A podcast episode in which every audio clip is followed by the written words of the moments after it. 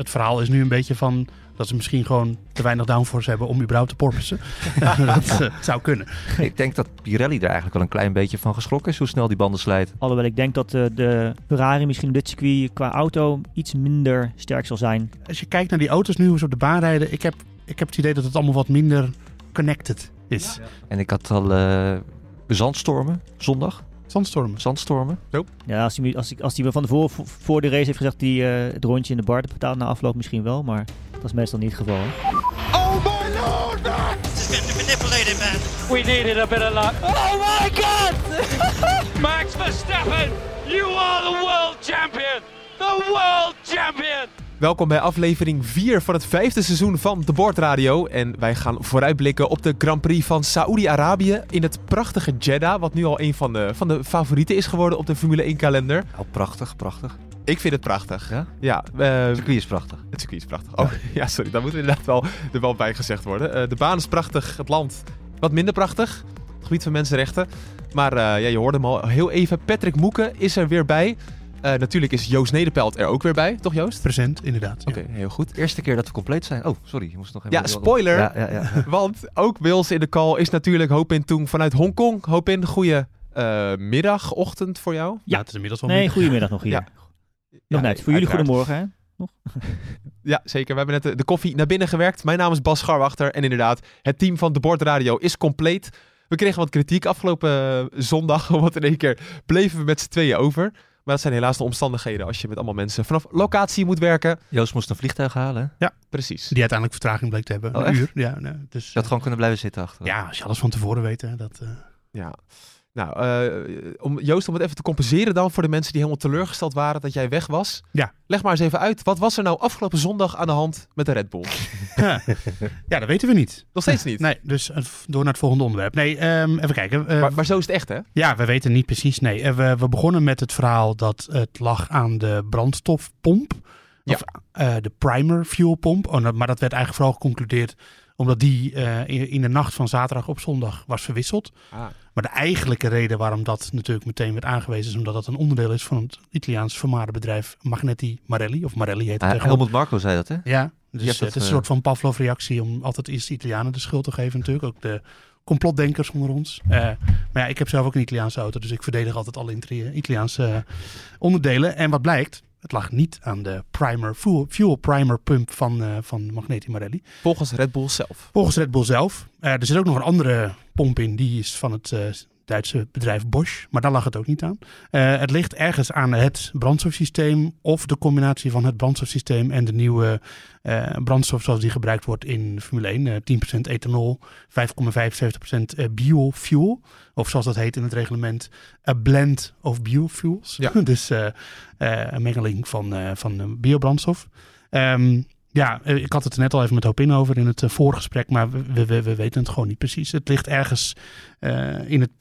Nou ja, Red Bull, laten we één ding om te beginnen tackelen. Red Bull zegt niet dat het tank leeg was. Dat, ze zeggen, dat spreken ze tegen. Wel, Maar met deze hoge olieprijs had ik dat best begrepen. ja, inderdaad. Dat ja. je dacht, nou, het is nu wel genoeg met die budget cap. Nou, ik, ik heb toevallig twee keer getankt in Bahrein. Maar ik kan je vertellen, het kost daar echt geen zak.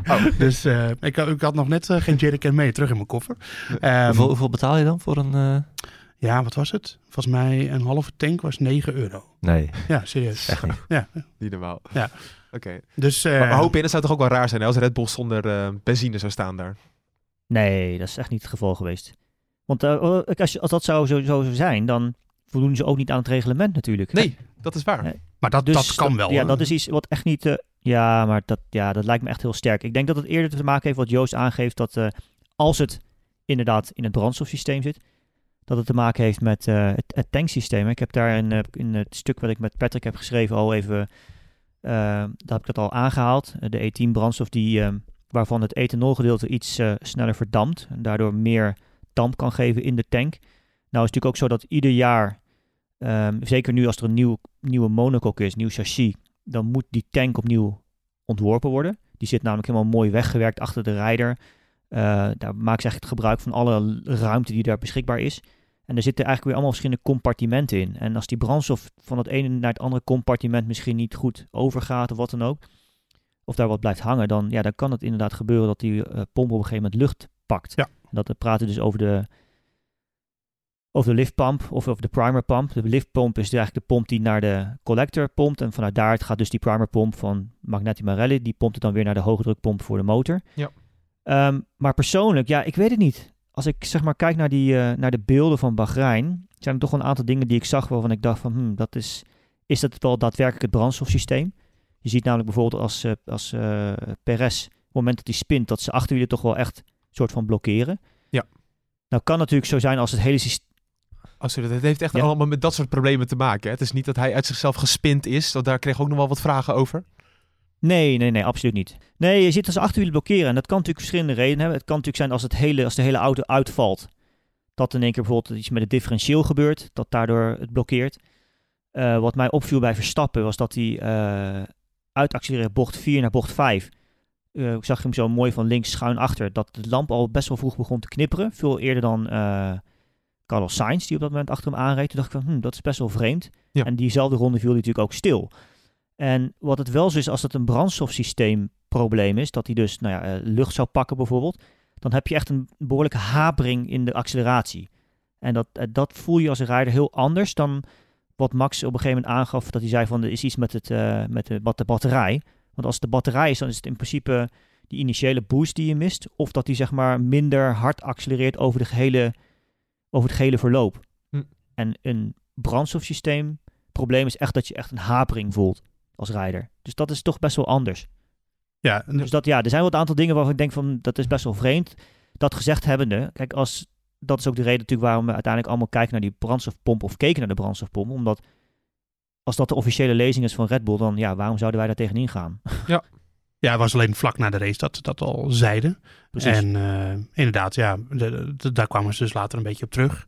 Ehm, ik denk dat het dit weekend wel meer duidelijk wordt. Want als er, als er inderdaad iets mis is met die door de FIA geleverde standaard onderdelen, dan moet de FIA daar natuurlijk ook bovenop zitten.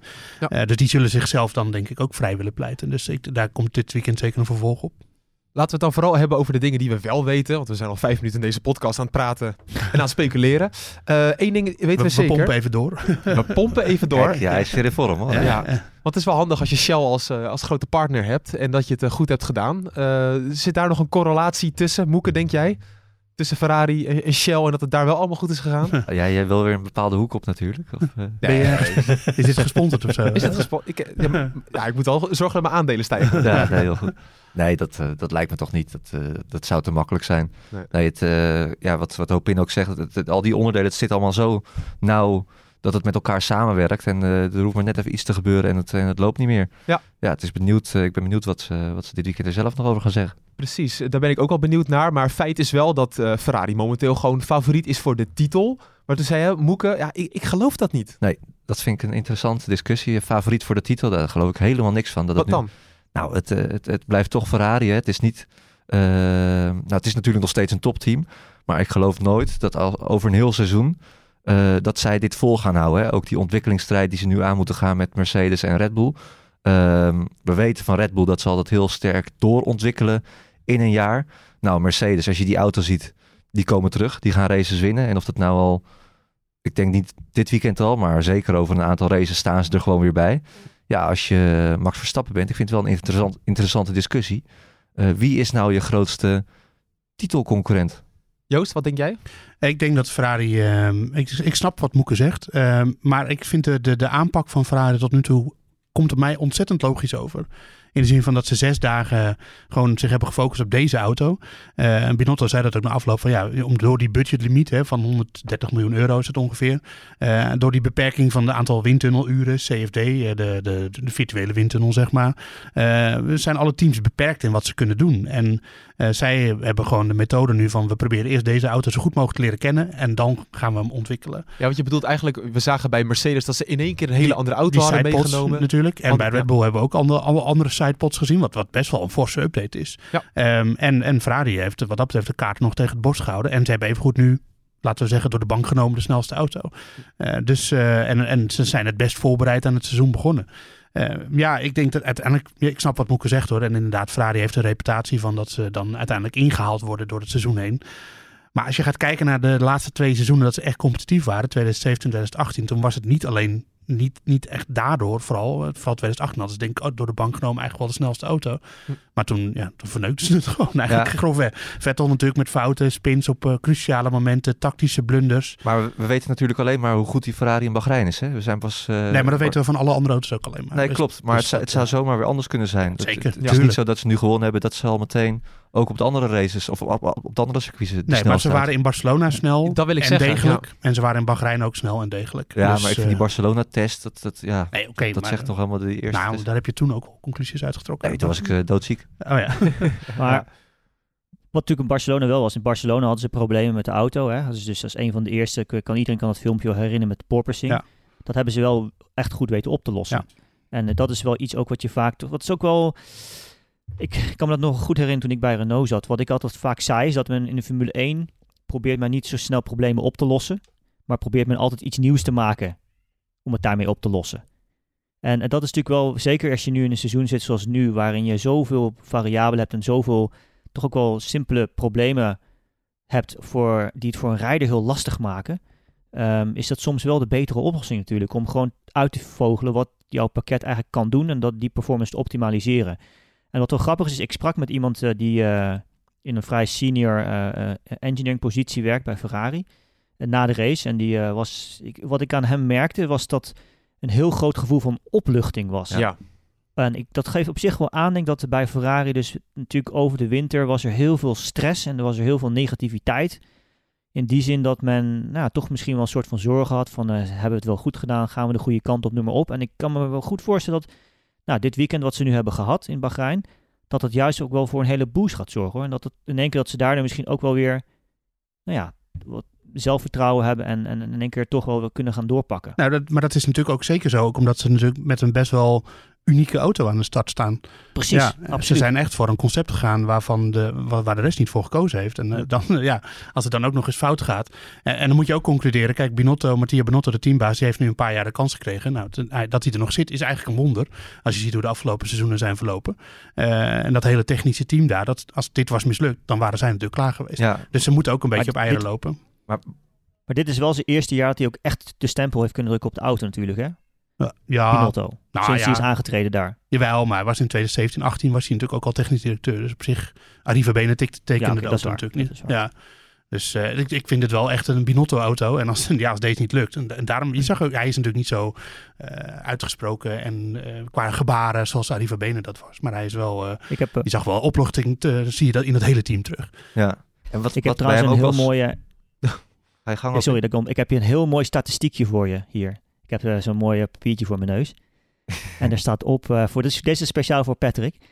Wist je dat eh, Ferrari, ehm, als ze het seizoen hebben geopend met een pole position en een overwinning, dat ze vervolgens ieder jaar waarin dat gebeurd is, het kampioenschap gewonnen hebben? Ja. Oh, Maar dat is wel Ja. een hele tijd geleden, kan ik je vertellen. dat, eh 2007 voor het laatste. Nou, ja, de laatste, de, nee, klopt. De laatste keer was in 2007. Ja, maar Zowel inderdaad. de rijders dat, en het constructeurskampioenschap. Ja, ja. kijk eens aan. ja. Nou, ik ga ze gewoon in mijn GP-spel zetten hoor. Ja. Elke, elke race Leclerc eh, bovenaan. Kom Ja. op even. Ja. Het zou interessant zijn. Maar wat, wat wel nog interessant is... Oh, sorry, wat wilde je zeggen? Nee, wat, ik wil nog inhaken op wat Joost zegt over Ja. Binotto. Kijk, die heeft natuurlijk ook een technische achtergrond. Ja. En dat Ja. is misschien ook wel eh, ja, anders dan voorheen. Dat, dat, eh, dat hij veel meer inspraak ook heeft eh, qua ontwikkeling van die auto. eh, eh, hij staat er echt met zijn neus bovenop. Nou ja, maar eh, afgelopen seizoen, eh, terwijl eh, Christian Horner en, en Toto Wolff elkaar vliegen waren afvangen en elkaar verbaal in de haren vlogen, was Binotto vaak op de fabriek. Ja. En die spreekt dezelfde taal als die jongens Precies. die daar aan die auto aan het werk Ja. zijn. En Arriva Bene, die was heel goed in pakjes sigaretten verkopen. Heel Ja. goed. En eh, dus, hoe heet eh, die voorganger ook weer, Marco Mattiazzi, die was verkocht auto's in Noord-Amerika. Is geen engineer. En Nee. nu zeg ik niet dat je per se een engineer hoeft te zijn om teambaas te zijn. Want Christian Horner is ook geen engineer, laat staan Toto Wolff. Maar ik denk dat het, als het zo'n proces is van eh, we, we moeten een nieuwe auto bouwen, in dit geval, dat het wel, eh, dat het wel beter is eh, eh, voor dat team. Eh, ik denk dat, dat Binotto, dat ze dat ook wel hebben ingezien dat dat nu de juiste man op de juiste plaats Ja, was. precies. Ja. Ja, en dan zie je ook dat het allemaal goed gaat bij Ferrari. En ook zeker weer in Jeddah eh, de grote favoriet, denk ik. Want we hebben geen andere conclusies eh, te verbinden daaraan. Maar daar gaan we het allemaal zo over hebben. Wie zeker niet de grote favoriet is, dat is Mercedes. En het komt eigenlijk...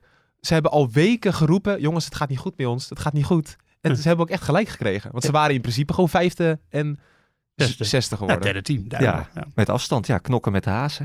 Ja, het, was, het, het zal Ja. even wennen geweest moeten, moeten zijn voor, eh, voor Lewis Hamilton. En eh, zelfs George Russell, die eh outqualified werd door Valtteri Bottas. Hoe pijnlijk was dat? Dat is echt heel pijnlijk. ja. Ja, Ja, nee. maar ook wel leuk. Ook, ja, stiekem ook wel leuk. Ja.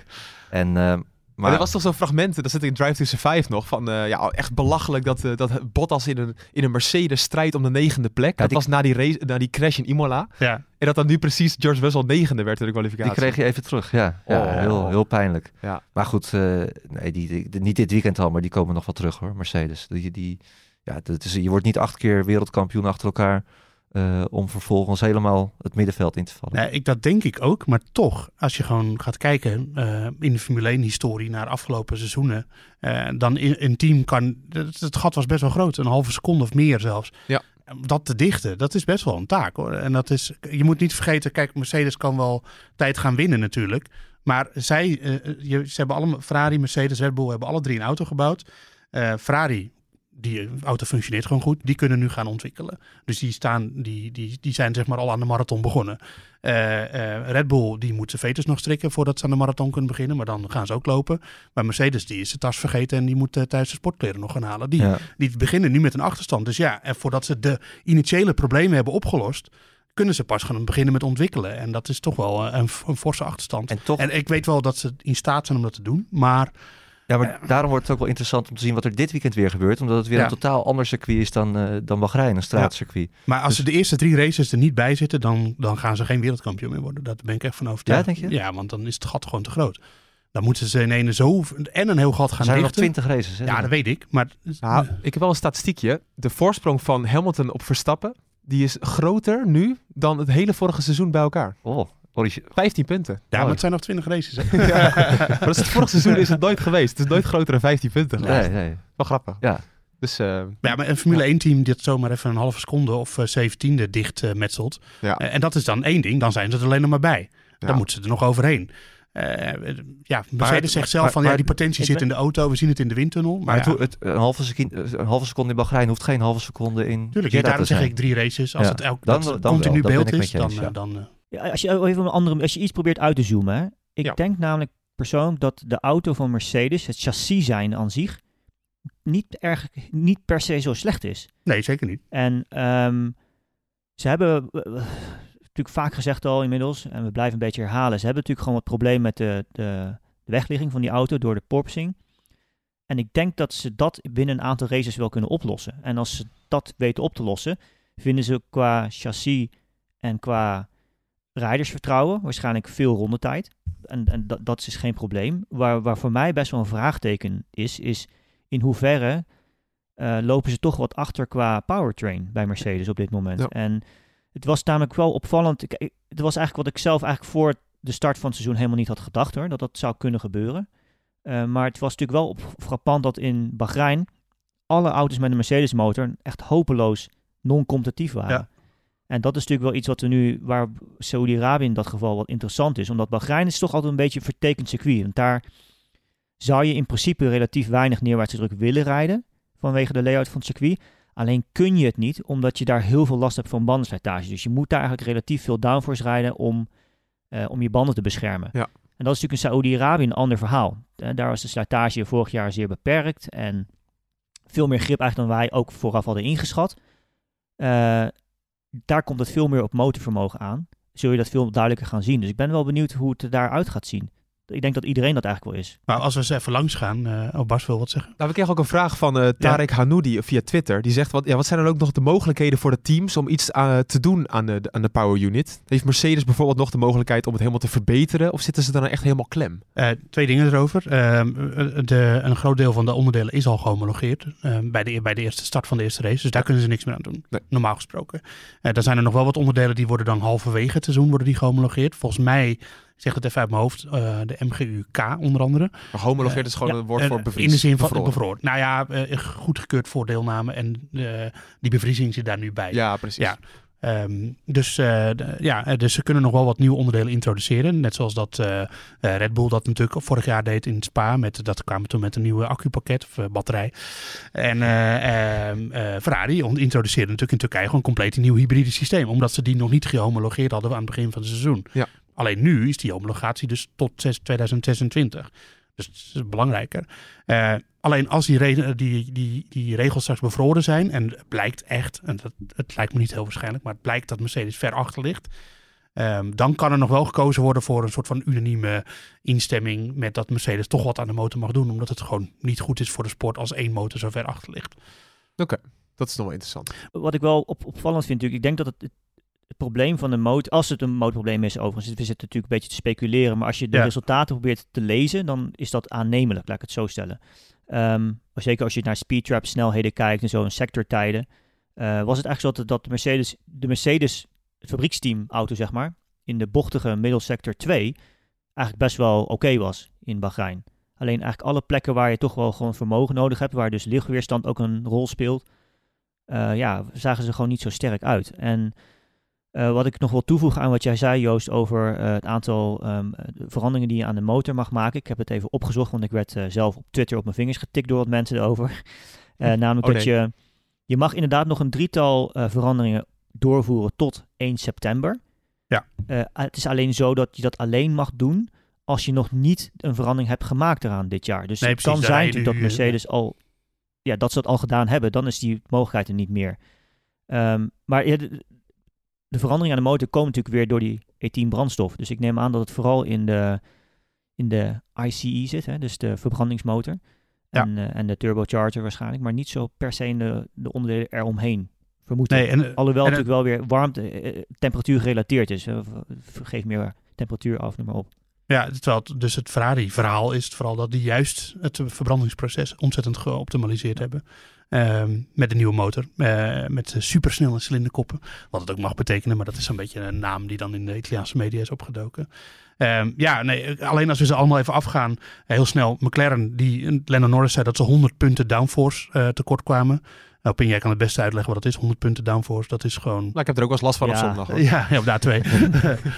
Nou, als je 100 punten downforce terug tekort komt, dan praat je echt over secondes. ja, Letterlijk. nou ja, maar die kwamen dus ook tekort. Dus het lijkt, me, het, lijkt me sterk, het lijkt me sterk als je kijkt dat ze zoveel tekort zouden komen. Want dat zou dan heel erg duidelijk ook... eh, bijvoorbeeld eh, bij, in Barcelona... Oké, was de eerste test. Eh, iedereen was er een beetje aan het uitvogelen wat er precies aan de hand was en zo. Hoe de auto's, hoe de auto's moesten eh, rijden. Eh, zagen ze natuurlijk niet zo slecht uit. Nee. Maar toen hadden ze nog, eh, ze hadden geen last van porpoising. En dat hadden ze in Bahrein ook niet. Maar het verhaal is nu een beetje van dat ze misschien gewoon te weinig downforce hebben om überhaupt te porpoisen. dat eh, zou kunnen. Ja, maar ja, die auto die reed niet voor niets achteraan natuurlijk. Dus eh, in Nee, klopt. seconden, ja, het, het zou kunnen. De Aston Martin, die heeft wel heel veel last van porpoising. Aston Martin zei van wij hebben nu al een, een, een model in de windtunnel staan dat al heel anders is dan ons huidige model. Dus ja, daar kan je de komende zomer wel ergens een grote update verwachten. En Williams, eh, die zochten gewoon vooral naar grip. En die auto kwam nog wel in Q2 trouwens, wat best wel knap was van Alex Albon. Nou, losstaand ook gewoon. Ja, ze zijn losstaand. ja. Het is- ligt niet Maar alleen dat- in de Mercedes. Maar ja, als je naar alle vier kijkt, de Mercedes is natuurlijk ook out of position in Ja. principe. En die andere drie ook. Tenminste op Williams na dan. Wat je zegt, die zochten naar grip. Ja. Die gingen gewoon, dat betekent dus dat ze dus niet genoeg downforce hadden. Mm. En dat is ook de verklaring waarschijnlijk waarom dus Latifi als enige op de speedtrap wel goed eruut zag. Ja. aan de Mercedes motor. Dus het kan ook toeval zijn dat alle vier de Mercedes teams Lijkt toevallig ook gewoon eh, problemen hebben die, die niets met de motor te maken hebben. Maar het is wel heel toevallig. Heel toevallig. Ja. Wat ook heel toev- toevallig was, eh, wa- waren de drie pitstops. Eh, ik zou zeggen, voor altijd zo houden. In Bahrein. Dus een beetje een terugblik nog op de Grand Prix. Maar ik, ik vind het geweldig. Want er gebeurt constant wat. En soms heb je wel een beetje een fase in een race dat het even een beetje in elkaar zakt. En ik ben altijd wel kritisch op natuurlijk. Jullie wat minder. Maar heerlijk. Dus Het hou, houdt, het houdt de race levend, hè? hou die banden zo slecht. Ja, nou, ja, het zit, zit wel een je wil eigenlijk dat je de keuze hebt, vind ik altijd. Gewoon dat je, Ja. kijk, nu was het een beetje verplicht dat ze allemaal een drie-stopper moesten doen. Dat een twee-stopper was gewoon, eh, daar ging je het niet mee redden. Nee. Ehm, in het beste scenario wil je dat, eh, ja, dat ze allemaal een eigen keuze eh, hebben. Ik denk dat Pirelli er eigenlijk wel een klein beetje van geschrokken is, hoe snel die banden slijten. Want ze hadden dus ook nog eens de hardste compounds hadden ze mee, hè? Ja. En dan al zo, ja, ze, dat ze zo snel kapot gaan, laat maar zeggen. Ja, dat is, de- daar zullen ze wel even over napraten. En als je drie pitstops hebt, eh, zeker nu met die regel van de bandenwarmers, hè, die dus eh, minder, minder eh, warm mogen staan. Eh, dus de outlap is langzamer normaal gesproken. Dan wordt de undercut natuurlijk ook sterker. Ja. Ehm, en eh, als je dan drie pitstops hebt, je hebt drie keer de mogelijkheid om een undercut te doen. Maar dat zag je ook bij Verstappen. Die zat Ja. telkens vier, som- eh, de laatste keer zelfs vijf seconden achter. En die kwam telkens Ja. pal erachter weer. Maar Ja. was jij verbaasd, uh, kennende het asfalt in Bahrein, eh, op in dat het daar zo snel ging met de banden? Nou, ik, Nee, nee, niet per se. Ik denk dat er best wel veel factoren zijn die daar meespelen. Ten eerste natuurlijk, de auto's zijn zwaarder geworden. Dat geeft sowieso meer slijtage. Ten tweede, de auto's zijn een stuk stijver geworden om de aerodynamica en vooral de vloer goed te laten werken. En nou is het eigenlijk altijd zo, even een beetje even simpele vuistregel, als je aan bandenmanagement wil doen, is een auto qua, qua vering, demping, stijf maken eigenlijk het laatste wat je wil doen. Je wil eigenlijk juist de energie die door een band moet gaan, eh, verkleinen. Dus die wil eigenlijk altijd zachter gaan. En dan bedoel ik daarmee zachter zo, zo, zo, eh, in, qua vering, zeg maar. Dus qua, nou, de meeste Formule 1 auto's hebben een torsiebar tegenwoordig in plaats van een veer. Maar dat de, de stijfheid van een veer minder wordt gemaakt. En ook een rol. Dus dat waarmee je dus eigenlijk de load van de ene naar de andere kant van de auto eh, overbrengt als je een bocht maakt. Ehm, wat ook meespeelt, zeker wat je aangaf Joost, is, ehm, zijn die bandenwarmers die minder warm zijn. Want ik roep het eigenlijk altijd en het is heel moeilijk om dat eigenlijk over te brengen aan mensen die eh, naar de sport kijken. Hoeveel schade je aan een band kunt toebrengen als je hem te agressief benadert als die nog niet op optimale bedrijfstemperatuur is. En het, kan natuurlijk heel goed zijn dat, dat dat ook een van de redenen is dat eh, nou, Hamilton en Verstappen hebben het gehoord op de radio allebei, dat het engineers het zei dat, dat ze rustig aan moesten doen in de outlap. Omdat dat het moment is dat je ook relatief veel schade kunt eh, toebrengen. En misschien is het zo dat het alsnog gebeurd is, omdat gewoon puur, nou ja, 70 graden, eh, praat je ook over eh, ehm, de temperatuur in de, in de bandenwarmer. Hè? Mhm. als die nu zit. En we zagen wat ik wel mooi vond. Op heel veel onboard zag je ook bandentemperatuur op het display van de coureurs Hm. in de auto. En daar zag je vaak een temperatuur van rond de 100 graden, maar die wordt gemeten op een sensor in de velg. En de oppervlaktetemperatuur van een band is natuurlijk altijd nog een aantal graden hoger dan dat. Dus ja, op zich is het wel weer. Is het, is, ja, ik- ik- er zijn heel veel factoren die ermee te maken hebben. Dus is het verrassend dat er zoveel slijtage was? Nee, niet echt eigenlijk. Nee. Maar ik denk wel dat, dat wat je zegt, Pirelli zoiets heeft van oeh, als we nu al aan de grens zitten hiermee, dan eh, nou, wordt het gewoon een eh, uitdagend seizoen misschien op andere plekken. Ja, nou is eh, Saudi-Arabië wel minder zwaar voor de banden dan... Ja, maar we hebben ook één compound zachter, dus stapje C2, 3 en 4 hebben we mee. Ehm, ja, eh, dat wordt interessant. Ik denk niet dat we weer drie pitstops gaan krijgen, want ik denk dat, eh, dat vooral ook omdat teams natuurlijk ook weer leren van zo'n race qua afstelling. eh, in een Bahrein, ze zijn, want ze willen dat uiteindelijk niet. Drie pitstops is natuurlijk uiteindelijk niet de snelste manier om naar de finish te komen. Maar krijgen we meer rode vlaggen of meer pitstops? Dat is de vraag. Ja, Jeddah. is Vlaggen, ja. Het, eh, circuit leent zich er wel voor natuurlijk. Ja. En ik had al eh, zandstormen zondag. Zandstormen. Zandstormen. Zo. Dus eh, ja, het, De, het, het, de route. ja, oké. Sorry. het- Ga verder. Het belooft op voorhand weer een, eh, een spectaculair weekend al. Ja, eh. maar meestal als jij, bedoel, in de zandbak eh, eh, is natuurlijk, de zandstorm is voor jou net hetzelfde als een regenbui. Als jij Ja. gaat zeggen dat het, dat het gaat zandstormen, dan gaat het dus niet zandstormen. Oh, is dat de wet ja, tegenwoordig? ja, Ja, ja. Ja. Zou kunnen, ja. Ja, nee, maar het wordt natuurlijk heel interessant. Hè. Als we toch even, het is natuurlijk een vooruitblik op de Grand Prix van Saoedi-Arabië. En we gaan er nu eindelijk naartoe. Eh, wij zeiden vorig jaar al, dit is een levensgevaarlijk circuit. Eh, hier, echt, als mensen een fout maken, dan kan het heel fout aflopen, ook echt.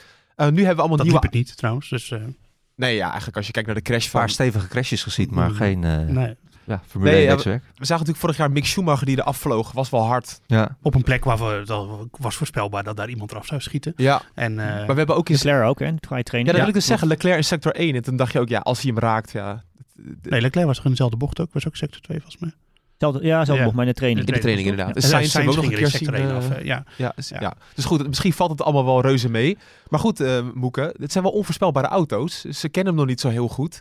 En dan moet je gelijk hier naartoe. ja, ik geef het je te doen als, eh, als Formule 1 coureur. Kijk, Ja. het, het zijn natuurlijk wel de, in principe de beste 20 coureurs ter wereld. Dus eh, ze, als, als, ze kunnen het.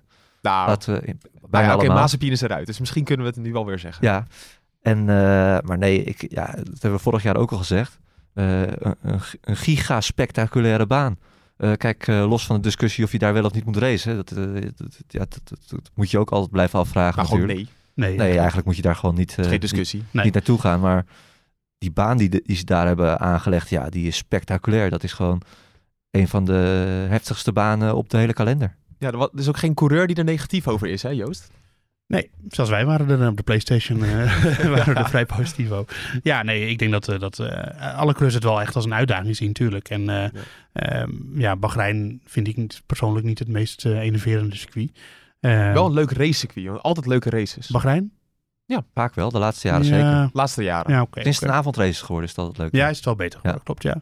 Eh, ja, ik, ik kijk er ook naar uit, zeker. Ik vind het, eh, ja, er zit een soort van, dat je niet van Bahrein, oké, leuk circuit, maar je weet wat je ervan kan verwachten qua racen. En dat eh, bij hier is het een groot vraagteken. Want als je, als je kijkt naar die auto's nu, hoe ze op de baan rijden, ik heb, ik heb het idee dat het allemaal wat minder connected is. Ja, Ja. ik vind Het ze heel zo- stijf. Ja, en dat zijn ze natuurlijk ook. Ze zijn Ja. super stijf. Die vering is een stuk stijver geworden. Ze willen ook veel stijver rijden om die auto's zo laag mogelijk boven de grond te houden. Waarop in het net over had. Er zit veel minder vering in de, in de banden ook, want Ja. de banden zijn dunner. Ja, dus eh, want daar, ik ben wel benieuwd hoe dat gaat. En hoe gaan die op die curbstones reageren daar? Ja, die curbstones daar, die, eh, die is vooral... De... Nou is het natuurlijk wel zo dat je vaak, als je het over stijve auto hebt, merk je dat vooral op de apex curbstone. Hè? Dus eh, in het midden van de bocht. En niet zo heel erg op de exit. Wat me wel opviel is dat je, eigenlijk dat zag je in Bahrein ook al, eh, uitkomen van bocht eh 8, uit mijn hoofd zegt dat goed. Eh, dat ze vaak aan de buitenkant daar al die curbstone pakten. En dat je daar ook al best wel veel eh, vonken zag komen van de auto. Dus het viel wel op dat, ze daar, eh, dat, dat de auto's er wel meer last van hebben dan voorheen. Ja. En hoop in is er nu ook een verschil. Vorig jaar had je natuurlijk eh, de filosofie met dat de downforce uit, uit de vleugels wordt gehaald met name. Nu natuurlijk eigenlijk op een hele andere manier. Is, gaat dat, ga je dat ook nog zien op een stratencircuit eigenlijk? Ja, in theorie zou het natuurlijk zo zijn dat je elkaar eh, dichter moet kunnen volgen. Ehm, Hebben we dat in Bahrein echt gezien? Ik weet, ik weet ik het vind- niet. ik of vind we nog daar steeds echt van niet zo... Ja, Nee, wat ik- dat vond ik ook indicaties. vond het-. Ja, Niet meer maar wat het zeker niet... Het heeft in ieder geval niet geholpen om eh bandenslijtage minder te maken. Want dat blijft altijd een probleem eh, voor rijders. Als je achter een andere auto, auto aanrijdt, heb je gewoon minder neerwaartse druk. En daardoor ga je gewoon meer glijden en dan heb je meer bandenslijtage. En dat zag je bijvoorbeeld bij Verstappen heel duidelijk. En in zekere, zekere mate ook bij Hamilton. Die, eh, nou ja, als de banden vers waren, konden ze heel makkelijk volgen eigenlijk. En leek het wel alsof ze sneller waren. Maar na een aantal ronden ja, zakten ze gewoon toch behoorlijk weg. En dat heeft puur Ja. daarmee te maken omdat je A, meer slijtage hebt. En B, heb je ook zeker in het geval van Bahrein, ondanks dat, dat de temperatuur dit jaar er niet zo hoog was, heb je heel Nee, veel last van thermische niet. degradatie. Ja. Ja. En thermische degradatie, en, is- dat, eh, dat wordt natuurlijk nog erger als je achter iemand aanrijdt. Daar hoorde je de cruz vooral over. Eh, kun je dat nog even kort uitleggen, op in thermische degradatie? Oh, ja, dat is pu- ja, gewoon puur dat je temperatuur, dus eigenlijk de temperatuur van het loopvlak van je band, dat dat eh, te hoog wordt. En eh, dat is dan op een gegeven moment krijg je natuurlijk een beetje een domino-effect. Hè? Eh, Ga je nog meer glijden en dan daardoor dat je meer gaat glijden, creëer je weer meer frictie. Ga je nog hogere dem- temperatuur krijgen, ja, dan is het... eh, Ja, dus niet per se slijtage, maar meer... je verliest niet per Ja. se grip door eh, slijtage, maar doordat de band gewoon te heet wordt. Ja. Dat is derg. Wat ook interessant was vorig jaar in Jeddah, dat was eh, de DRS die daar best wel effectief bleek te zijn. Dat zagen we nog in de laatste ronde met Bottas, die nog ook kon voorbij Ja, ging. ja. Ja. Ik had bijna vergeten dat hij hem nog voorbij ging. Ja, zoveel gebeurt ook, specifiek tijdens die Ja, race het Ja, het. bizar. Eh, maar we zagen natuurlijk, Moeke, in Bahrein ook weer, dat die DRS wel echt effectief is geworden. Dat, vooral met het duel tussen Verstappen en Leclerc. Ja, Ehm, en mensen zeggen van, we willen er vanaf. Althans, de FIA wil dat. Dat gaat niet gebeuren. maar nee, dat- dat gaan ze voorlopig nog niet doen. Dat gaan we toch niet doen. Nou moet ik wel zeggen, in Bahrein is het omdat ze die twee rechte stukken heb je daar achter elkaar. Dus dat is nog wel dubbel effectief. Hè? Dat zie je dan eh, eh, heel erg. Ja. Ja, ik ben benieuwd. Het zal in Jeddah ongetwijfeld ook weer zo eh, zijn. Wat ik wel opvallend vond vorig jaar, Hm. is dat we toen allemaal dachten toen we daarheen gingen. eh, nou, dat, dat is een Mercedesbaan. Daar gaat Hamilton wel eventjes de, eh, eh, het hele weekend domineren. Maar eigenlijk had Verstappen daar gewoon pol moeten pakken natuurlijk als het niet was gecrashed. Ja. Oh ja. Maar wel over één ronde. Maar in de race was Mercedes natuurlijk wel gewoon sneller. Uiteindelijk. Uiteindelijk Jawel, wel. jawel, ja, uiteindelijk Ja, wel. veel sterker. Veel sterker. Hij ging hem zelfs gewoon voorbij. En hij ging hem nog een keer niet voorbij. En god, wat een rare race was dat eigenlijk. Ongelooflijk. Maar toch was het verschil minder klein dan we misschien van tevoren hadden gedacht. Minder groot. Ja, nee, klopt. Eh, dat, Minder eh, groot, ja. Ja, zeker. Dat is waar. Nou ja, Verstappen was natuurlijk, op die, eh, was natuurlijk met die mega ronde in kwalificatie ook, hè? Waar Ja. op zat toen.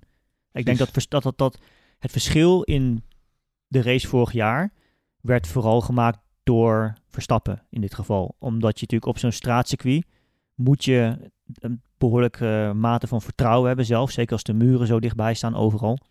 eh, om eh, nou ja, gewoon echt dat, die rondetijd uit die auto te krijgen. En dat is ook weer omdat vorig jaar, en dat, dat blijkt dus wel, eh, de energie die in de band ging daardoor het asfalt eigenlijk relatief laag was, moest je ook heel erg agressief zijn om dat hele pakket van banden, noem maar op, alles maar op, op het juiste moment de juiste temperatuur te krijgen eh, om, om dat te kunnen doen. En dat, dat is wel echt puur gewoon rijder. En daarom denk ik dat Leclerc eh, bijvoorbeeld eh, dit weekend een hele eh goede kans weer maakt. Ook omdat hij gewoon duidelijk heel veel vertrouwen heeft in de auto. Ja. En Carlos Sainz, ja, die horen we natuurlijk alleen maar klagen over eh, dingen. Eh, ook over dat wat Hopin zegt, dat hij de banden niet op de juiste temperatuur kreeg. Ehm, dus eh, ja, het, wordt weer een Ferrari-overwinning. Ik zeg, teken hem alvast Ja, op. Ja, denk het Ja. wel. En we kregen er ook nog een paar vragen over van, ik zag Kees Broers er onder andere op Twitter zeggen, maar ook Ed Hullegie en Anne Fleur. ehm, van hoe lang blijven Max Verstappen en Leclerc nog gezellig met elkaar? Want ze waren natuurlijk heel erg alsof het twee vrienden waren. Nou ja, Eh, ze, door de jaren heen zijn die natuurlijk ook wel eens, eh, beter met elkaar geworden. Verstappen heeft dat letterlijk gezegd. Van, eh, die werd er naar gevraagd op tv van... Vorige week, hè? Ja, is het anders nu, nu niet meer Hamilton, maar Leclerc jouw grootste titelkandidaat of te- tegenstander lijkt, titelconcurrent lijkt te zijn. Hm. Dus zei hij gewoon eerlijk. Hij zei ja, het is wel dezelfde generatie. Ik heb veel meer contact met, zoals dan dat ik heb met, met Lewis. Ja, dat is natuurlijk zo. Alleen als je echt samen voor de titel gaat vechten, is dat ook al heel snel klaar wellicht. Ja, maar dat vraag ik me ook een beetje af. Want het is inderdaad nu heel gezellig. En ze, ze hebben ook genoten van het racen. Van ja, was fun, eh, zeiden ze. En het vond het hartstikke leuk. Nou ja, we hebben het natuurlijk in 2019 al gezien. 2018 ook al. Of 2000 nou, 2019. En vooral 2019. Ja, ja. dat, ze, ja, dat het toch een paar keer eh, misging in Oostenrijk. En dat, eh, dat ze elkaars bloed wel konden drinken. Ja. En dat kan natuurlijk zomaar weer terug zijn als, het, als er wat gebeurt. Dus eigenlijk, ja, het is nu vooral omdat Verstappen wist, ik ben toch niet sneller. Dan is het ook leuk. En dan, Precies, en het is nog allemaal een beetje nieuw. En ze moeten het nog maar even zien hoe dat verder gaat in een seizoen. Ja, Ja. Ik heb, maar ik heb wel het idee dat deze generatie coureurs toch het beter kan scheiden op een bepaalde manier. In de zin van wat er op de baan gebeurt en wat er naast de baan gebeurt. En, eh, Ja. en uiteindelijk, bedoel, als je gewoon eh, kijkt naar Hamilton en eh, Verstappen voor de gaat, is ook niet dat die elkaar nou verbaal heel erg te lijf gingen. Dat- of, Dat niet, maar het was op het, voor, voor, die, voor Abu Dhabi toen, toen Verstappen, die sprak zijn naam niet eens meer uit van, nee, was van sfeer Hamilton. niet, niet dat je zegt van echt gezellig. Nee. Nee, dat klopt. Eh, en, maar ja, volgens mij Leclerc en Verstappen zijn altijd gewoon goed met elkaar. En eh, ja, niet, volgens mij niet eh, BFF's, maar eh, wel gewoon goed. Ja. Wordt natuurlijk ook wel een beetje gevoed, hè, deze discussie Tuurlijk, tegenwoordig, ja. door Drive to Survive. ja, En daar wordt het dat, helemaal dat is een van de kritiekpunten die ik natuurlijk... Een, ja, een van de kritiekpunten die ik een beetje op die serie heb, natuurlijk, is dat dat niet helemaal correct is, denk ik. Eh, dat, dat is dat niet zo het geval. Er zijn wel eh, wat mensen in de paddock waarvan ik weet, die, dat die, die, die haten elkaar echt. Ehm, Wie dan? Wie dan ook? Twee Fransozen lopen er rond bijvoorbeeld. Oh, ja, Twee ja, Fransozen, ja. Oh, ja. allebei. Ja. Ja.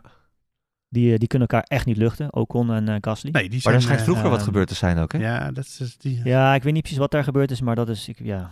die zie je nooit Dat met elkaar. Nee. Nee, je ziet eigenlijk altijd hetzelfde clubje. Gasly met eh Sainz en Leclerc en Verstappen en Norris. Die staan altijd bij elkaar. En Ja. eh, die, zijn ook, die zijn ook met elkaar gewoon opgegroeid. Op, eh, en Sainz is natuurlijk ietsje ouder, maar Verstappen is weer teamgenoot geweest van Sainz. Toen was het ook niet altijd 100% vriendelijk, maar die zijn ook gewoon, eh, ja, dus... Ja, die spelen ook altijd FIFA met elkaar. Sainz en Verstappen. ja, en Norris en Verstappen, die, die, wat doen ze ook weer? Warzone en, Ja, en zeker. Formule 1, of tenminste eh, race sim natuurlijk. Dus ja, Maar dat doen Norris en Hamilton ook met z'n tweeën.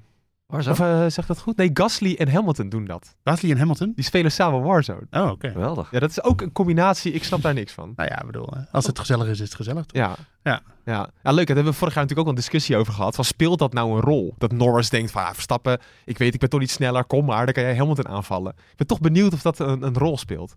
Ja, dat moeten we een hoop invragen natuurlijk. Die race. eh, je ga, ja, Nee. toch geen. Nee, daar ga Dat, speelt echt niet, dat speelt echt niet mee. Nee? Maar dat je niet Guido Nee. van der Garde zo Nee. achter je ziet en je denkt, nou, kom maar jongen. Nee, nee, nee, nee. Ja, als hij, me- als, ik, als hij van tevoren voor- voor de race heeft gezegd die eh, het rondje in de bar betaalt na afloop misschien wel, maar dat is meestal niet het geval. Hè? ja.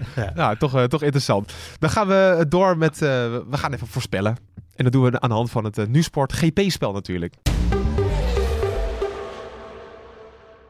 Ja, we gaan natuurlijk naar Jeddah toe, het gevaarlijke circuit. Ehm, een hoop in, dan verwacht je natuurlijk. Ze hebben overal 10.000 bordingen eraan toegevoegd. Eh, de, de soft-tech barriers, hoe heet het allemaal? Die, eh, Protect. Tech Pro. Pro, eh, Tech Pro. Tech Pro. Tech Pro, sorry inderdaad. Ehm, die zijn allemaal aangepast, toch?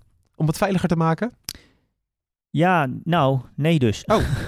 Eh, ik heb wat fotootjes bekeken en ehm, ze hebben inderdaad wel de baan iets aangepast, maar eh, niet veel. Het enige wat is aangepast is de laatste bocht, die is wat ruimer Oh, dat is geworden. goed voor Verstappen. Iets meer uitloop.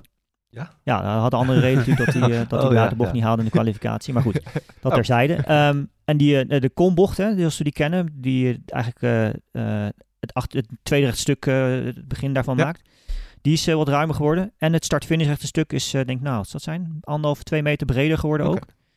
Maar afgezien daarvan is er niets veranderd. En dat is eigenlijk best wel opvallend, want toen we vorig jaar natuurlijk erheen gingen, het eerste commentaar van de teams was eigenlijk van, oh, het circuit zit er, is een stuk, nou, een stuk smaller. Het is een stuk ehm, eh, smaller dan we hadden gedacht op de simulatie ook, wat ze zelf natuurlijk in de sim hadden gereden vaak. En, en eh, na afloop zei natuurlijk ook veel coureurs, nou, dit is echt wel eh, snel. En dus, eh nou, wat jij op het randje van gevaarlijk, maar er is niks aan gedaan. Dus op zich, ik denk wel dat het voor de coureurs aan zich, die hebben er geen moeite mee. Want ehm, ik, ik heb al eens eerder gezegd, voor coureurs zijn snelle bochten vaak het, het leukste om te doen. En daar haal je als coureur het meeste kick ook uit. Eh, overigens wel zo dat je daar qua auto, qua rondetijd natuurlijk eh, relatief minder mee kunt, eh, min- minder, mee, minder mee wint dan in langzame bochten. En dat is natuurlijk ook de reden waarom natuurlijk in de kwalificatie vorig jaar het voor Verstappen misging. Omdat je gewoon weet als rijder zijnde van zo'n dusdanig langzame bocht kan ik eigenlijk alles makkelijk verliezen wat ik in al die snelle bochten bij elkaar heb gewonnen. Maar denk je trouwens, op in, ik denk dat ze best wel eens misschien sneller kunnen zijn op Jeddah dan vorig jaar. Omdat ze allemaal zeggen, hoogsnelheidsbochten, daar zijn we sneller in. Dus ehm, Ja. ja. wat hadden we vorig jaar voor een rondje van, eh, van Hamilton? De, de pooltijd was 1.27.511 van Hamilton in Q3 vorig jaar. Oké. Ja, maar in de gaten houden. Ik eh, bedoel, die chicane in het begin, die is langzaam natuurlijk. Daar gaan ze tijd verliezen. Maar vanaf daar, eh, dat grondeffect, maar ik moet het nog zien. Ik denk dat het wel interessant wordt. Niet alleen grondeffect. Wat je ook hebt met een auto die stijver is in rol, is dat die makkelijker van richting verandert. En dat is natuurlijk wat je in Jeddah heel duidelijk zag vorig jaar. Je moet daar een auto hebben die heel makkelijk van richting kan veranderen in die snelle bochten. En omdat je natuurlijk als je stijver bent, dan nou ja, kost het gewoon minder tijd om van, laten we zeggen, de ene kant naar de andere kant het gewicht over te brengen van een Ja, auto. minder laterale eh, beweging. Precies. Ik hoop wel dat bocht 1 goed gaat voor Verstappen. Want die weet na vorig jaar helemaal niet hoe die bocht 1 Ja. moet Nee, nemen. nee, nee. Hij heeft alle lijnen geprobeerd. Hè? Die heeft hem drie keer afgesneden, geloof ik. Ja. Eh, dus ik hoop wel dat die kwalificatie goed voor hem gaat en dat hij geen track limits krijgt. Eigenlijk toen ik Drive to Survive zat te kijken, had ik voor het eerst wel een beetje, hè, dan heb, zit je wat minder in de emotie. Ik dacht van, ah, ging wel erg ver, hè? Eh, met die verdediging daar. Met Hamilton en Ocon en alles erbij. Nou ja, die een van een actie op Ocon eh, met Ocon en Hamilton, dat vond ik gewoon terecht. Ja, dat was Dat die is, dat tweede, is die echt was dat is een situatie, if you no longer go for a gap. Hè, eh, Ja. jullie kennen hem wel. Maar de, ja, hoe die met Hamilton verdedigde, gewoon verdedigen door van de baan af te gaan, dat is natuurlijk, ja, dat kan eigenlijk niet. eh. Nee, er stond zoveel op het spel natuurlijk. Ja. ja. Ik ben wel benieuwd wat, eh, hoe de baan er dit jaar bij ligt. Jij zei dat er zandstormen komen, Patrick? Dit jaar, Ja, eh, dit, eh, zandstormen. nee hoor, nee, die komen helemaal niet. Ja, wel, dat, Want- ik heb gisteren Nou, contact wat, gehad. eh, wat natuurlijk een van de dingen die vorig jaar natuurlijk heel erg opviel, vond ik, was dat we vooraf allemaal hadden van, nou, die baan die is zo smerig en dat wordt echt een, eh, een ramp met qua grip en zo. En de eerste, zeker in de eerste vrije training. Maar uiteindelijk was de zogenaamde de track evolution, zoals we dat noemen. Dus dat de, hoe de baan zich eigenlijk ontwikkelt qua rondetijd voor een rijder, was eigenlijk heel klein voor een straatcircuit. Ik geloof dat het over on- ongeveer twee seconden was van de eerste vrije training tot aan Q3. En dat, is, dat, is echt, dat is echt heel weinig eigenlijk. Zeker als je ervan uitgaat dat in de vrije training men niet met lege tank eh, rijdt en niet met, eh, nou ja, met het mes tussen de tanden, zeg maar. ja, Dus dat, eh, dat vond ik best wel zeker op zo'n circuit dat ze nog niet kennen. Dan verwacht je juist dat Ja. ze rustig gaan opbouwen en dat er nog veel tijdwinst te Ja, halen valt. Maar dat, nee, dat klopt.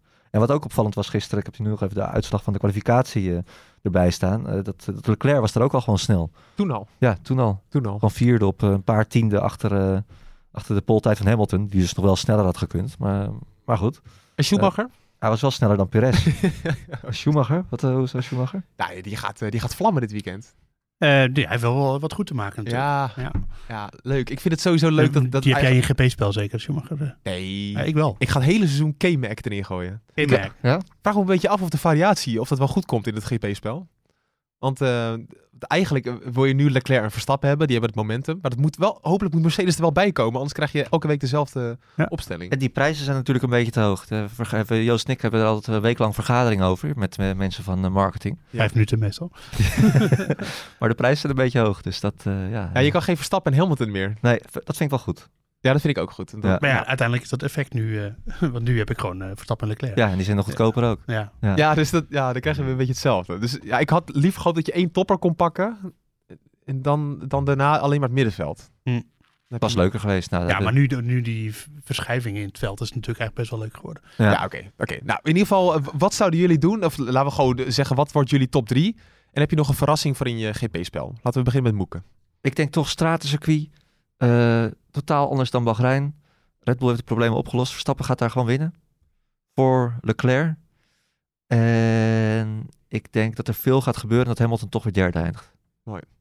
Joost? Ik denk dat eh, Leclerc gaat winnen. Eh, want eh, ik denk dat de Ferrari motor op dit moment gewoon het sterkst is. Eh, en ehm, dat Verstappen wel nu tweede wordt. En Sainz derde. En mijn eh, tip is Joe Gangyu. Zeg ik het goed op in? Joe Ganyu. Ja, best Mooi. goed. Ja. Eh, want eh Alfa Romeo, eh, die, eh, ja. Alfa Romeo, die hadden natuurlijk eh, allebei een eh, belabberde start. Ehm, Bottas die ging terug van 6 naar 14, maar vocht zich wel weer knap terug. Eh, maar ja, Bottas als tipgever, dat vind ik een beetje doorgezaagd. Dus nu doe ik eh Joe Gangyu. Eh maar die hadden allebei namelijk een probleem met de koppeling. Een trillende koppeling hadden ze bij de start. Oh. Eh, en daardoor vielen ze allebei terug. En, en, en toch wisten ze zich terug te knokken. En dat zegt echt wel wat over de potentie van die auto. Die dus niet alleen kwalificatie-pace goed is, maar ook race-pace. Dus eh, misschien stiekem zelfs wel gewoon net zo goed als de Haas. Dus eh, ja. En hij reed gewoon knap in de punten Ja, bij zijn debuut. Dat, eh, daar hebben we het eh, ja. natuurlijk niet eh, echt over gehad de vorige keer. Maar Nee, ja. Ja. Het is eigenlijk lovenswaardig. Het is echt ongelooflijk hoe knap dat eigenlijk is. En dan in een Alfa Romeo. Ja. Maar ja, dat, ja dat, dat- dan En heb hij je was, dat nog bijna, dat is hij was dan. nog eh, bijna negende. Alleen omdat eh, eh, die gele vlag voor, eh voor Checo in eh, de eerste bocht. Anders had hij Alonso ook nog kunnen pakken. Ah. Dus eh, was hij negende geweest. Nou, Hopin heeft dat eh, ook al een paar keer geroepen. Dat eh, moet je niet onderschatten. Nou, leuk. Nou ja, had het in de voorbeschouwing bij Bahrein inderdaad wel aangehaald. Dat, eh, hij heeft natuurlijk relatief veel ervaring hè, met eh, dit, dit type band, met dit type autogedrag. hè, Zo'n stijve, stijve auto gebaseerd op, op eh, grondeffect. Dus ja, nee, dat, En de eh, Alfa is competitief. Ja, Daar gaat het leuk. uiteindelijk ook om. Ja, Heel leuk, ja. Dus hij komt op het podium. Open. dat zei ik niet. Nou, nou dat, ik denk niet dat het met zo'n vaart zal lopen. Slecht, slecht maar ik denk wel eh, dat... eh, persoonlijk denk ik... We gaven het natuurlijk al aan. Ik denk dat Max dit weekend het verschil weer zal gaan maken. En dat hij eh, eh, een goede kans heeft om te winnen. En Leclerc inderdaad, eh, die zal er dichtbij zitten. Alhoewel ik denk dat eh, de Ferrari misschien op dit circuit qua auto iets minder sterk zal zijn dan dat hij in Bahrein was. Puur vanwege het feit dat het gewoon toch wel echt wel behoorlijk snel is, deze baan. En eh, ondanks dat ze in Bahrein een stuk goed uitzagen en zo, dat het, nou ja, hier zullen ze misschien iets minder sterk zijn, relatief gezien, vermoed ik. Wie zijn dan wel sterk als outsider? Ja, wie zal het zijn? Schumacher misschien inderdaad. Je, noemde hem wel als, als grap, maar ik zit even te kijken nu. Hij was vorig jaar een seconde sneller dan Mazepin. Nou wil Ja. dat natuurlijk niet per se heel veel zeggen, maar hij zat heel dicht achter de Aston Martins ook. Eh, dus nou, ja, zeker als we kijken nu hoe, hoe goed de Hazes dit jaar in Bahrein was. Oh. Outsider? Voor heb een puntje? Eerste punt misschien in zijn carrière? Ja, dan heb ik nog één outsider tippie. Dat is Yuki. Yuki. Yuki is echt underrated afgelopen race. Van P16 naar P8. We hebben, we hebben hem ook wel besproken hoor, in de podcast en zo. Maar echt, die jongen is on fire. Dus houdt me. Gasly ook. En Gasly was ook on fire, inderdaad. Eh, dus laten we al meemaken. Ik denk wel dat het een Ferrari 1-2 nog wordt. En dan Verstappen derde. En dan eh, daarna oogsten. Maar dan komt Hamilton er weer bij en dan wordt het weer lastig. Het wordt een heel leuk seizoen gewoon. Ja, en we weten gewoon heel veel dingen nog niet. Nee. Dat is ook gewoon eh, dat is leuk, hè? Want sommige seizoenen kun je gewoon uittekenen van tevoren. Maar Ja. deze... Het leukste is gewoon dat je meerdere teams hebt die nu in de mix Ja, zijn. zeker. En dat gaan we wel. eh, eh, We blijven iedere keer halen, vind ik. Maar hebben natuurlijk in het voorseizoen al een paar keer aangegeven. Meerdere teams die mee kunnen doen om de overwinning. En met Ferrari nu ook erbij. Ja. Eh, Mercedes is daar ook echt wel. Die komt er ook wel echt wel weer bij. Al- De vraag is in, in hoeverre ze. Ze zullen niet meer zo dominant worden. Dat weet ik haast zeker. Ehm, maar ja, het middenveld natuurlijk ook. Ik bedoel, het is super mooi om te zien, toch? Dat je, hoeveel, eh, op een gegeven moment waren er. Was het in de kwalificatie? Hoeveel auto's stonden er in de top 10 van verschillende Zeven. teams? Ik weet het niet. Zeven, ja. Ja. ja. Ja, dat is, dat is gaaf. Nou ja, en eh, ik vroeg persoonlijk eh, Verstappen na afloop eh, van de race nog van... weet je inmiddels al wat beter wat de sterke en zwakke punten van je auto zijn? Toen zei hij, en dat zeggen andere coureurs ook... van dat gaat heel erg per circuit verschillen. Oh ja. Eh, dus eh, het kan echt heel goed zijn dat de slagvolgorde dit, dit weekend weer compleet anders is. Dat zou natuurlijk ook leuk zijn. Nou, dan doop ik hem om tot het Baco-seizoen. Want dat is ook een lekker mixje. En dan gaan we wel meemaken eh, hoe het allemaal af gaat lopen, toch? gezocht, hoor, Bij maar- mij maar een biertje. maar- ja, precies. En we gaan afsluiten. Voor onze bazen moet de podcast 45 minuten zijn. Nou, kijk eens. Ongeveer. Ja, perfect. Oh, op de valreep. Op de valreep nog Red Bull zeggen dat ze het probleem met brandstof hebben opgelost. Fix in place, zeggen ze. Nou, dan pakken we dat. Hey, pak- kijk. hey. Als we de hele podcast opnieuw moeten beginnen. hadden we de eerste 10 minuten eruit moeten slopen. Dat is, overigens, dat is overigens ook iets wat niet aangepast mag worden, hè, volgens reglement. De brandstof mag ook niet meer Nee, worden aangepast. Dat Ah. ook gehoomologeerd.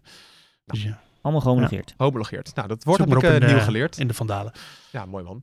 Oké, eh, jongens, dank jullie wel. Wij zijn er zondagavond, slash nacht zijn we er weer bij. En dan kan je de podcast natuurlijk maandagochtend vroeg, als jij naar je werk gaat op de fiets of met de auto. Eh, ik zal lekker met de fiets gaan, dat is goedkoper. Eh, dan kan je hem weer luisteren. Dus weet dat vooral. En ehm, vergeet vooral niet te abonneren ook op Spotify en in bijvoorbeeld Apple Podcast op onze podcast. Want dan krijg je namelijk een, een melding Want wij krijgen zo vaak via Twitter van jongens, eh, staat die al online? En je kan je gewoon abonneren erop. Dat, dat, is, helemaal niks verbonden natuurlijk. Je krijgt geen mailtjes of dat soort dingen. Dan krijg je gewoon een melding als het online staat. Tipje van mij, ik zou zeggen, geniet van de race, geniet van het weekend en tot zondag. Tot zondag.